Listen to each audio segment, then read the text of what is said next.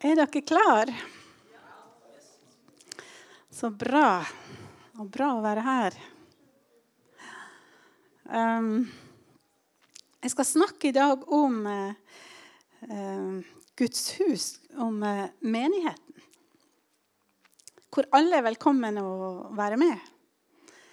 Um, og uh, her er det så godt å vite at her er alle velkommen.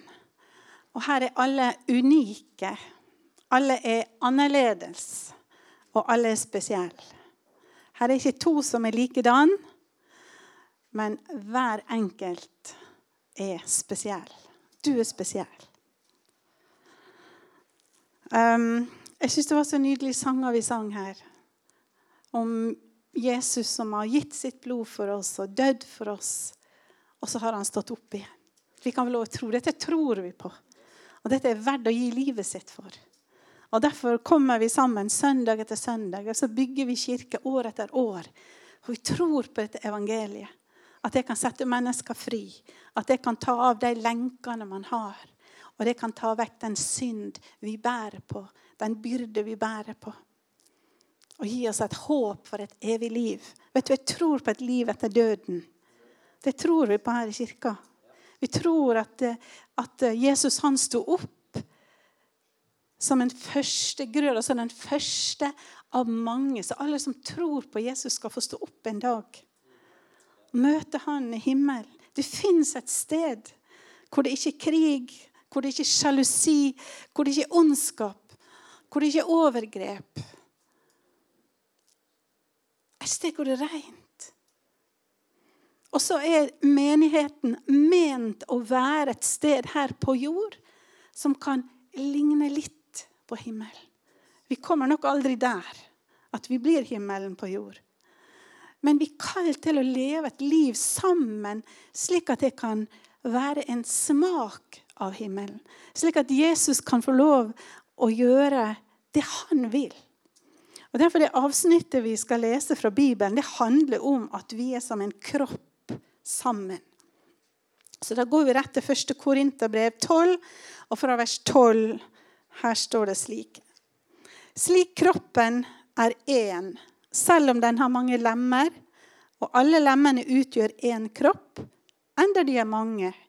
Slik er det også med Kristus. For med én ånd ble vi alle døpt til å være én kropp. Enten vi er jøder eller grekere, slaver eller fri, og alle fikk vi én ånd å drikke. For kroppen består ikke av én kroppsdel, men av mange. Om når foten sier 'fordi jeg ikke er hånd', hører jeg ikke med til kroppen, ja, så er den like fullt en del av kroppen. Om øret sier 'fordi jeg ikke er øye', hører jeg ikke med til kroppen, så er den like fullt en del av den. Hvis så hele kroppen var øye, hvor ble det da av hørselen? Og hvis hele kroppen var hørsel, hvor ble det av luktesansen? Men nå har Gud gitt hver enkelt lem sin plass på kroppen, slik han ville det. Hvis det hele var én kroppsdel, hvor ble det av kroppen? Men nå er det mange kroppsdeler, men bare én kropp. Øyet kan ikke si til hånden 'Jeg trenger deg ikke' eller hodet til føttene. Jeg har ikke bruk for dere. Tvert imot. De delene av kroppen som synes å være svakest, nettopp de er nødvendige. De kroppsdelene som vi synes er mindre ære verdt, de gir vi desto større ære. Og de delene vi føler skam ved eller blyges ved, kler vi desto mer sømmelig. De andre trenger det ikke. Men nå har Gud satt sammen kroppen slik at det som mangler ære, får mye ære. For at det ikke skal være splittelse i kroppen, men alle lemmene har samme omsorg for hverandre. For om ett lem lider, lider alle de andre med. Og om ett lem blir hedret, gleder alle de andre seg. Dere er Kristi kropp, og hver av dere er et lem på ham. Amen. Dette er jo et uh, veldig enkelt bilde som, og veldig logisk bilde som Paulus tar fram her. Og vi har veldig mange illustrasjoner her i dag. Du kan bare se på meg. Her er en kropp. Hvis du ser ned på deg sjøl, du har en kropp. De som sitter ved siden av deg, har en kropp. Så vi har veldig, veldig mange uh, illustrasjoner som det er lett å følge her i dag. Og dette her er jo så logisk at det nesten er dumt. Um, vi trenger jo hele kroppen. Og vi vet jo det skal veldig lite til på kroppen før noe er borte, eller en, eh, et organ f.eks. ikke fungerer. Så blir kroppen syk. Og mangler vi et lem, så får vi en funksjonshemming. Altså, vi trenger hele kroppen. Vi trenger alle delene. Det betyr at vi trenger deg. Det betyr at du er viktig, og er viktig kroppen har Gud satt sammen, står det. Og Det synes jeg var litt artig. I vers 18 så står det her at det er Gud som har satt lemmene sammen, hver enkelt av dem, akkurat slik som han selv ville. Så kanskje er det ikke tilfeldig at du akkurat er her. For det fins jo mange Kristi kropper bare her i byen. Altså mange menigheter. Og så har Gud plassert deg akkurat her. Nå har du sikkert kommet hit av hel fri vilje. Det håper du har. Jeg håper det er fordi du syns det er OK å være her. Men du kunne godt gått til en annen kirke. Og kanskje er du der at hmm, vi får gå og se litt hvordan er det her. Så Men kanskje er det ikke tilfeldig. Kanskje trenger vi akkurat den hånda du er, eller den foten du er. Akkurat den, eh, det organet du har i denne kroppen her. Så det kan jo du spørre Herren om sjøl og snakke litt med Gud om. Er, er, det bare tilfeldig at jeg er her? Var det bare liksom fordi de inviterte meg, så, eller jeg så på nett, og så var det noe bare tilfeldig? Eller kanskje er det noe litt viktigere bak det, noe litt dypere, noe med litt mer mening? Og jeg tenkte hvor avhengig kroppen er av hverandre. Tenk bare den hånda mi her. Si nå er jeg tørst, og så vil jeg gripe det vannglasset her nede og så drikke litt. OK? Jeg har ei hånd, og det har kanskje du òg. Men hvis du så at den hånda her som greip vannet, kunne du ikke gjøre det aleine? Fordi jeg har to føtter, så jeg måtte gå litt nærmere. Og så måtte jeg bruke hånda mi, skuldra, armer, albuen, alt. Jeg måtte strekke meg ned. Tenk hvis den hånda her hang liksom bare her.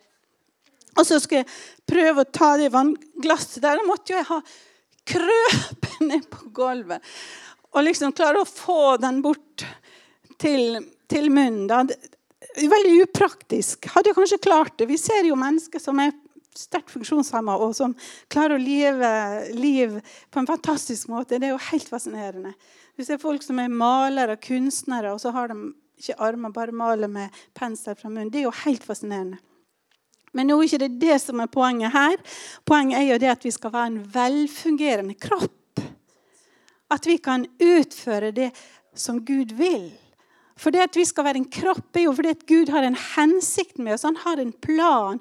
Han har noe han vil gjøre i denne byen her. Han ønsker ikke bare at vi skal være kristne som bare tror på Gud eller er på leit etter Han, og, og så vi som en lever vi vårt liv helt alene.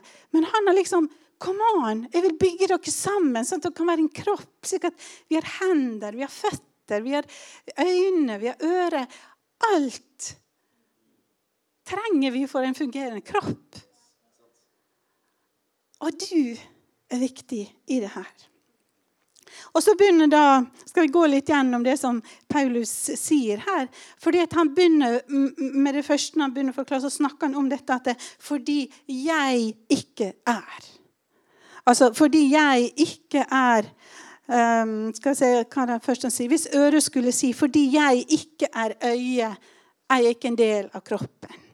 Altså, Fordi jeg er ikke sånn som du, så kan ikke jeg tilhøre.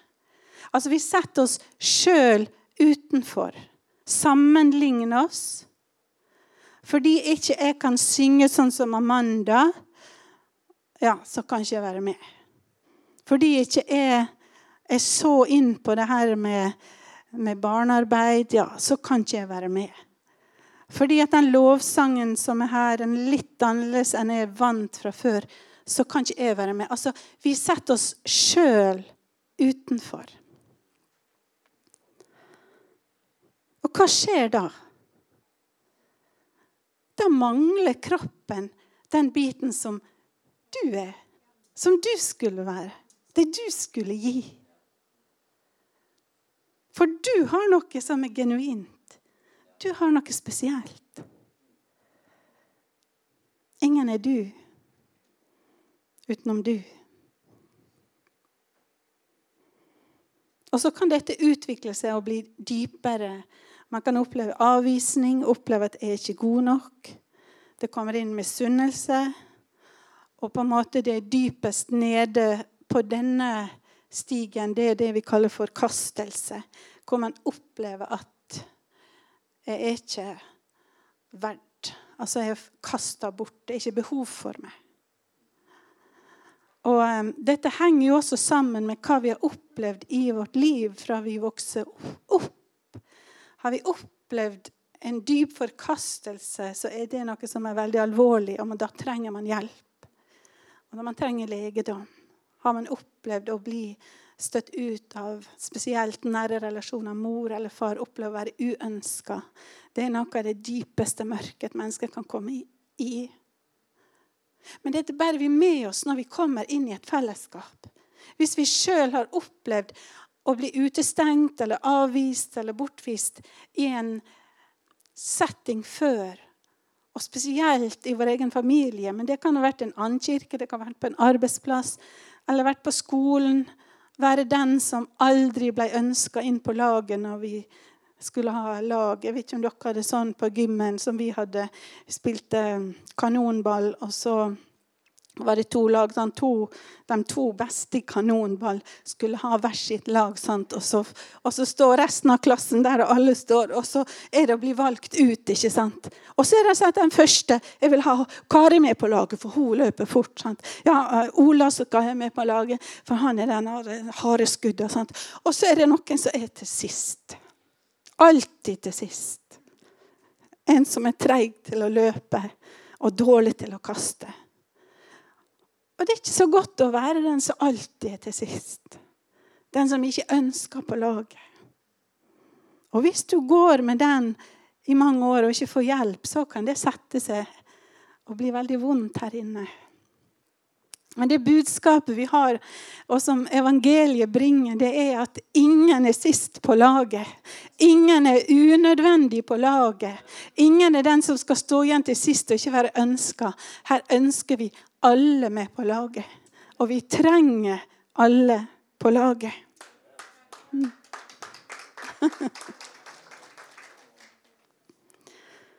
og så er det det motsatte. Så går Paulus og, og snakker om de lemmene på kroppen som, som, reiser seg litt og sier at ja, siden når du ikke er sånn som meg, så, eh, så får du ikke være med. Um, når Skal vi se hvor vi har det her. Um, ja. Øyet kan ikke si til hånden 'Jeg har ikke bruk for deg'. Hodet kan heller ikke si til føttene 'Jeg har ikke bruk for dere'. Og Da er det den andre veien. Da er ikke det jeg sjøl som trekker meg ut og, og føler at jeg, jeg, passer ikke helt inn her. Men da er det jeg som tar meg godt til rette og kjenner at her, her vil jeg ha litt å si. Og, og sånn som jeg mener, sånn skal vi ha det her. Og jeg er viktig her. Og bare vit det at eh, sånn som vi har det her, det er, det er, den beste måten å gjøre ting på. Altså, Da har du det motsatte, hvor vi sjøl tar stort rom og ikke ser behovet at jeg trenger nettopp deg. Jeg trenger den gava du har. Og jeg er fattig uten din gave. Uten ditt innspill. Uten din personlighet. Nå snakker vi jo Det han snakker om her, det er jo funksjon av gave. Men jeg tror også vi kan ta med personlighet. For i et fellesskap så er vi veldig forskjellige personligheter. Og det å gi rom for å se at vi trenger de som er raske og super, og så trenger vi de som er rolige og stille, de som kanskje ikke gjør så mye av seg, men kanskje har veldig mye godt å komme med. Altså, vi trenger alle, både personlighetene og gaven. Og med en sånn holdning så kommer det inn hovmot, arroganse, konkurranse. Og hvis man i dette her har litt usikkerhet, så får man også behov for å holde andre på avstand. Ehm, holde posisjonen sin sjøl og kanskje dytte litt borti andre for å holde sin egen posisjon. Og så trykker vi andre litt ned, for da kommer jo vi sjøl litt høyere opp. Sånn var det ikke ment å være. Vi kalte til å heie på hverandre, rose hverandre. Ikke bli misunnelig om noen andre blir æra. Noen andre kommer inn med et kjempeklokt forslag og så var det en person som du bare ikke hadde venta det skulle komme fra. Vi har et eksempel i Bibelen som jeg har lyst til å ta fram. og Det er forholdet mellom Saul og David. Saul han var konge. Og Saul var jo egentlig en fantastisk mann, en fantastisk konge. Men så begynte han å ville gjøre ting på egen hånd. Han ville ikke vente på å få svar fra Gud, men begynte å gjøre ting som, som Gud hadde sagt han ikke skulle gjøre. Og han begynte å operere sjøl. Og så eh, blir Saul veldig dårlig. Jeg vet ikke, I dag ville man sagt han var psykisk dårlig. I Bibelen er det beskrevet sånn at det kom en ond ånd og eh, forstyrra han, så han ble helt gæren. Men når han ble sånn gæren, så sendte de bud på David, for David han spilte harpe. Og når han spilte harpe, så var den musikken noe som roa ned kongen. Da fikk Saul liksom fred, og da falt han til ro. Så alle som jobba der ved hoffet til Saul, de sørga for at David kom. Så Etter hvert så ble David så viktig der at han kom og bodde på slottet for å hjelpe kongen når kongen hadde det kjipt. Men David han var ikke bare flink til å spille harpe, han var jo også en stridsmann. Og eh, Vi har jo hørt om David og Goliat. Han vant jo over den kjempen som forakta Israel og gjorde at israelsfolket lå under for fiendene som bare kom og plaga dem og ødela livet deres. Og først var Saul veldig stolt over David. Først var Saul det er jo bare fantastisk. Tenk, en i vårt kongerike, en ung mann. Han var jo bare en guttunge når han vant over Goliat. En sånn flott ung i mitt kongerike. Det er fantastisk at det reises opp flotte unge menn som er så dyktige. Det er jo et håp for nasjonen vår. Men så, når David lykkes mer og mer, så var det slik at når David kom hjem fra striden, så kom jentene ut og dansa tamburin og tok imot hæren. Og så sang de. Saul slå tusener, men David slo titusener. Og da istedenfor å være den som heier på en ung mann som var up and coming, så blir Saul sjalu. Her fikk David mer ære enn han som konge. Og istedenfor å ikke bry seg om det Hvor mye har ikke vi alle kjent noe av det her når andre får litt mer ære enn oss. Og kanskje for noe vi sjøl egentlig har gjort. Og så er det noen andre som tar ære av det. Ja, det koster litt, det. Men det som skjer i Saul sitt hjerte, er at han blir sjalu. Og denne sjalusien den lar han få komme fram, og den dyrker han. Til den eh, ytterste grense at han legger et hat til David. Og det hatet vokser og blir så sterkt at han har lyst til å drepe David. David! Som var den som kom og brakte fred for han når han var urolig. David som vant seirene i hæren hans. David som var en, en, ung mann som var up and coming, som var, betydde så mye for han. Så lar han altså sjalusi vokse til hat, som blir til der at han vil drepe den unge mannen. Så en dag David sitter og spiller for kongen, så tar kongen spydet sitt. Og kongen han var en utrolig dyktig stridsmann. Han kaster det mot David for å drepe David. Og bare ved et sekunds redning klarer David å kaste seg unna og bli berget. Og hele resten av sitt liv så bruker Saul på å prøve å drepe David.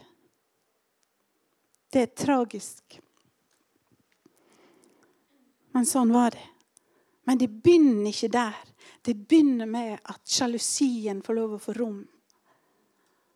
Misunnelsen. De får mer ære enn meg. De blir liksom takka. Ingen som takker meg.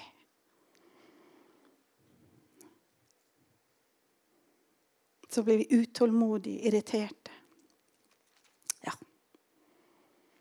Men her er vi altså kalt til ikke å være at 'jeg er ikke som du', eller 'du er ikke som jeg'.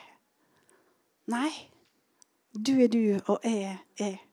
Og sammen kan vi bygge og være en kropp som Jesus kan virke igjennom. Og Så tar Paulus opp en tredje ting her. Og det er dette her, at det er noe som, på kroppen som har mindre ære verdt eller noe vi blyges ved. Det er noe som ser svakere ut, og som vi lett kan tenke det er ikke så viktig. Det er ikke så nøye med. Og jeg vet ikke hva, hva du tenker hvis vi skal overføre det bildet fra kroppen til et fellesskap. Er det noen vi har som vi tenker her iblant oss som er ikke så viktige. Som er mindre ære verdt. Noen vi helst bare skjuler? Jeg håper det ikke. Men jeg har tenkt på Det er jo lett å se det som er synlig, og det som skjer i en kirke på plattforma her. Det er lett å legge merke til, gi ære til. Men det er veldig mye som skjer usynlig som ikke andre vet om.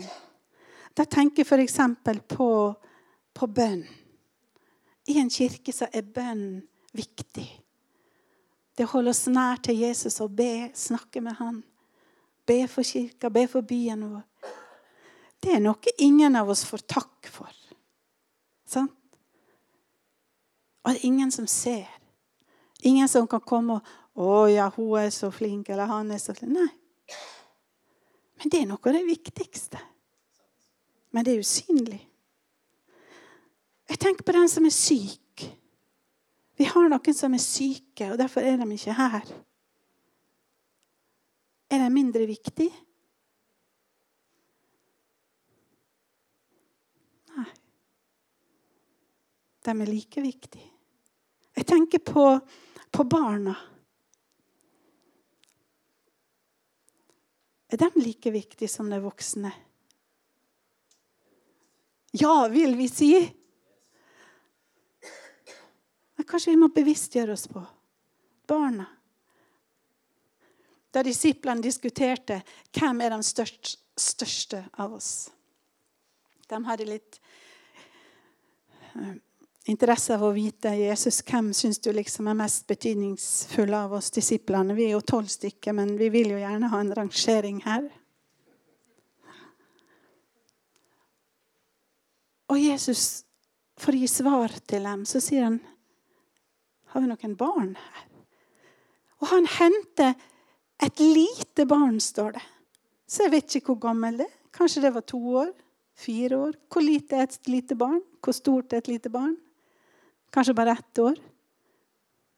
Og så sier han Ingen av dere som vil være stor, er større enn det lille barnet her. Hva kan vi lære av det lille barnet? Det er mange ting. Men det er noe med barnet som har en avhengighet av Gud. Barn er avhengig. Barn er avhengig av omsorg. Barn er avhengig av at noen kler dem. Barn er avhengig av mat. Barn er avhengig av å få stimulering. Og Kanskje det var et ord til disiplene og til oss som er veldig uavhengig, og vi klarer oss sjøl. Så sier altså Jesus at den som gjør seg avhengig av Han, han er større enn den som er uavhengig og tenke jeg klarer meg sjøl.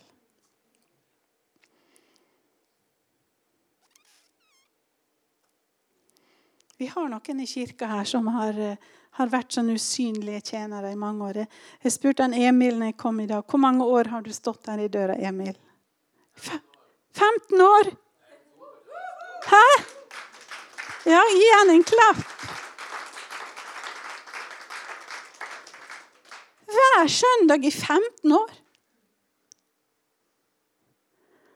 Og så tenker jeg litt på Hver gang vi kommer her, pleier det å være rot og skit og lort. Er det noen som støvsuger her? Er det noen som vasker gulvet? Ja, sier Rita. Ja. ja. Han som gjør det, han er ikke her nå. For hva gjør han? Han er ute og vasker og rydder, for her har vært fest i går. Og det vistes eh, eh, på toaletter og i kjøkkenet og overalt. Ikke her inne, da, for her er hun låst av. da. Men der kom han forbi med vaskebøtta. Ja. Ingen som ser det, ingen som tenker over det. det. Vasking det er utrolig viktig. Og støvsuging og sånt. Så utrivelig det er der det ikke er rent. Men vi tenker ikke over det så lenge det er rent. Altså Så lenge det blir gjort, så lenge den funksjonen er i virksomhet, så tenker man ikke over det. Og så tenker jeg på Synnøve. Jeg tror hun har kids hver søndag nå, etter vi kom hjem. Hun gjør en fantastisk jobb. altså. Ingen ser hva hun gjør oppe nå. vi, Det er så lett å glemme det, for vi ser det ikke. Men det er helt avhengig av den jobben for at vi skal kunne ha kids. Og alt hun forbereder seg på forhånd.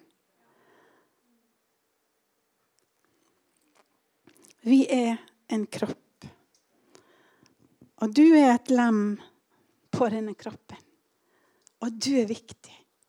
Jeg skal så inderlig ønske at du i dag får se og bare kjenne dette. Det, det er en forskjell om jeg er eller ikke. Kanskje du tenker om du kommer her på gudstjeneste eller ikke, det er ett fett. Ingen bryr seg om det, ingen ser det. Jo, vi ser det. Vi trenger det. Vi ønsker det. Og vi ønsker at du skal kjenne at det er viktig for denne kirka at du er her. At den hånda du er, den foten du er, det synet du har, den hørselen du har Uansett hva det er, så er det viktig. Så mangler vi noe hvis du er borte.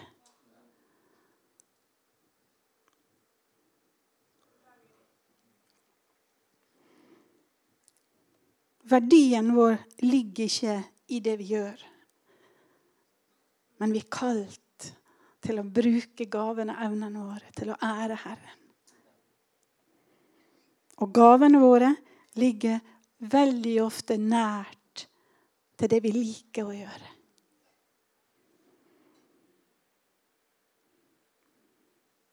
Der vi har lyst til å dette kjenne, å, jeg har så lyst til å gjøre sånn, så er det ofte at gaver vår ligger nær det.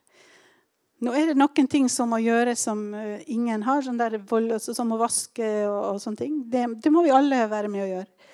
Det er ikke noe sånn jeg er kalt av Gud til å vaske. Jo, kanskje er vi det. Men noen ting må liksom gjøres fordi det skal fungere. Men alle har vi også gaver som er med å bygge Guds kropp på jord. Skal vi be sammen? Herre Jesus, takk at du lagde bare originaler. Takk at du skapte oss forskjellig. Hjelp oss til å favne hverandre. Elske hverandre. Ta imot hverandre. Forstå hverandre. Lide når de andre lemmer lider. Ære deg som æres. Og bygge ditt rike sammen. Amen.